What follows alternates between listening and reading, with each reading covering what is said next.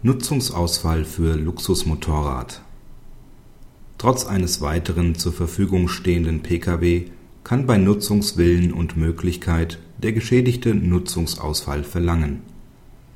Das Motorrad des Klägers (Luxusklasse) wurde bei einem Unfall schwer beschädigt. Der Kläger, der auch einen Pkw hat, begehrt nun für 78 Tage Nutzungsausfall.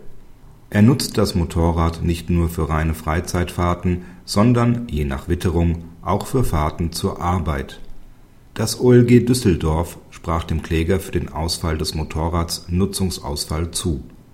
Zwar gebe es grundsätzlich mangels fühlbarer Entbehrung keine abstrakte Nutzungsentschädigung, wenn der Geschädigte ein zweites Fahrzeug habe, hier halte der Kläger das Motorrad aber nicht als reines Spaßfahrzeug, sondern fahre damit auch gelegentlich zur Arbeit.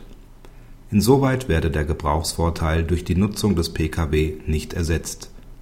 Vollständigen Nutzungsausfall könne der Kläger allerdings nicht verlangen, da er das Motorrad bei schlechtem Wetter nicht nutze. Das OLG nahm deshalb gemäß § 287 ZPO einen Abschlag von einem Drittel vor. Praxishinweis Das Problem des Falls spricht das OLG selbst an. Handelt es sich, da das Mobilitätsinteresse des Klägers durch den zweiten Pkw gewahrt ist, um einen materiellen oder um einen immateriellen Schaden? Insoweit kann die Parallele zum Urteil des BGH in NZV 2004 Seite 482 gezogen werden.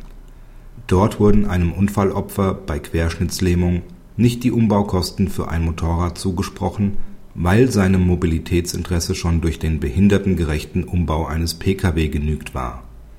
Unabhängig davon geht jedenfalls bei dem Auswahl von Fahrzeugen, die allein der Freizeitgestaltung dienen, die herrschende Meinung davon aus, dass keine Nutzungsentschädigung verlangt werden kann